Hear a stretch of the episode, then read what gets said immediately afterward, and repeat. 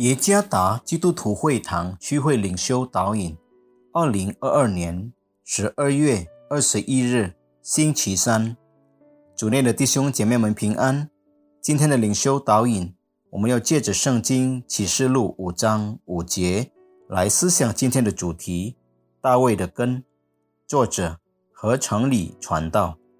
启示录五章五节，长老中有一位对我说：“不要哭。”看哪，有大支派中的狮子，大卫的根，他已得胜，能以展开那书卷，揭开那七印。在犹太人的概念中，国王必须清楚他的身世。基督的门徒马太在他所写的书中提到耶稣基督的家谱时，也理解了这个概念。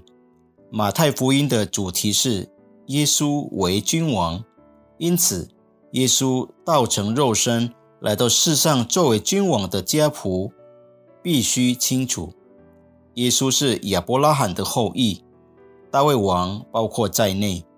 国王带领他的国民进入他的治理中，同样，耶稣是万王之王，无论现在或将来，都带领神的选民。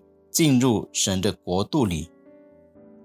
大卫的根指的是来自大卫后裔的耶稣基督，实现了旧约中记载永恒得胜这弥赛亚的应许。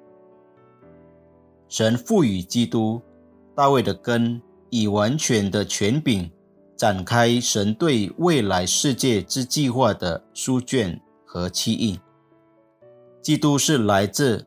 神国度的君王，他借由亚伯拉罕的后裔，道成了肉身，为神选民在与撒旦的征战中，成就了永恒的得胜。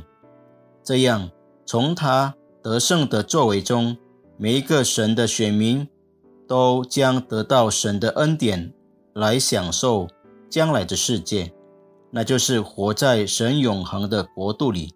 不再有任何惧怕。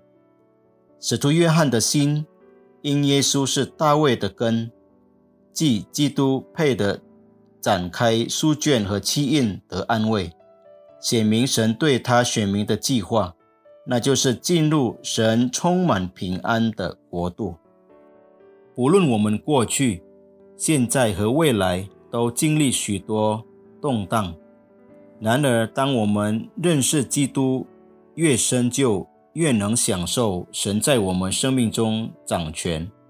我们对大卫的根、基督耶稣的认识，给了我们力量、安宁和安慰，来面对所有动荡。甚至在我们心灵里，他赐给我们属天意象，就是将来我们要享受神永恒的国度。生命不再有任何动荡，这成为我们的安慰和盼望，让我们持定心智，过大卫的根耶稣基督的跟随者之生活。大卫的根是那引领属他的子民享受神充满平安、不再有惧怕的那一位。愿上帝赐福弟兄姐妹们。